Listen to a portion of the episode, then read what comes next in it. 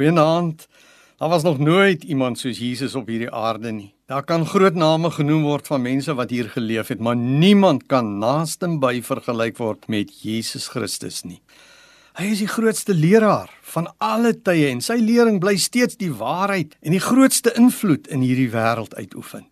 Hy is die magtigste leier wat die ganse wêreld beïnvloed het en die geskiedenis van alle tye bepaal het. Sy geboortedatum het die tye en datering van ons wêreld bepaal. Daarom sal historiese gebeure gedateer word in jare voor of na Christus se geboorte.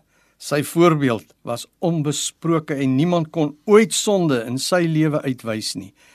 Ja, hy is die enigste en ware verlosser wat mense vry en heel kan maak. Jesus se koms na hierdie wêreld het die grootste invloed ooit in die geskiedenis gehad. Hy het nooit 'n boek geskryf nie en tog kan al die biblioteke in ons land nie al sy boeke en al die boeke wat oor hom geskryf is bevat nie.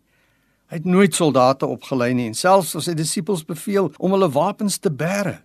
Tog was daar nooit soveel volgelinge wat bereid was om vir hulle leier te sterf nie. En nog nooit was daar soveel rebelle en vyande wat teen hom was wat later verander het en hulle aan hom oorgegee het en sy volgelinge geword het nie.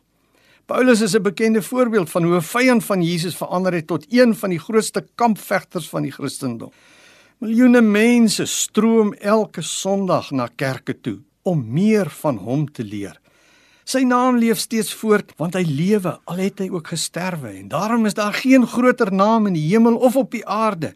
Voor Jesus buig die engele in aanbidding en by die noem van sy naam styer bose magte in vrees en bewering. Ongelukkige mense wat verslae en moedeloos sonder hoop voortstrompel, het by Jesus nuwe betekenis, doel en hoop gekry. Jesus is nie maar net 'n mens nie.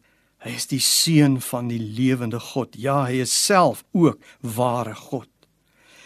En Jesus het die heerlikheid van die hemel verlaat om mens te word ter wille van ons, sodat hy ons sondes op hom kon neem en ons vergifnis kan ontvang.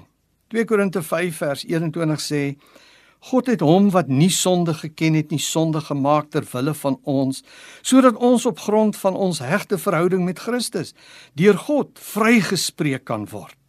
As gelowiges sien ons met verwagting uit na sy wederkoms as hy as bruidegom saam met die heilige engele en hemelinge terugkom om sy bruid hier op aarde te kom haal vir die bruilofsfees van die lam. Ken jy hierdie Jesus? Hy leef en hy wil in jou woon en vir altyd by jou wees.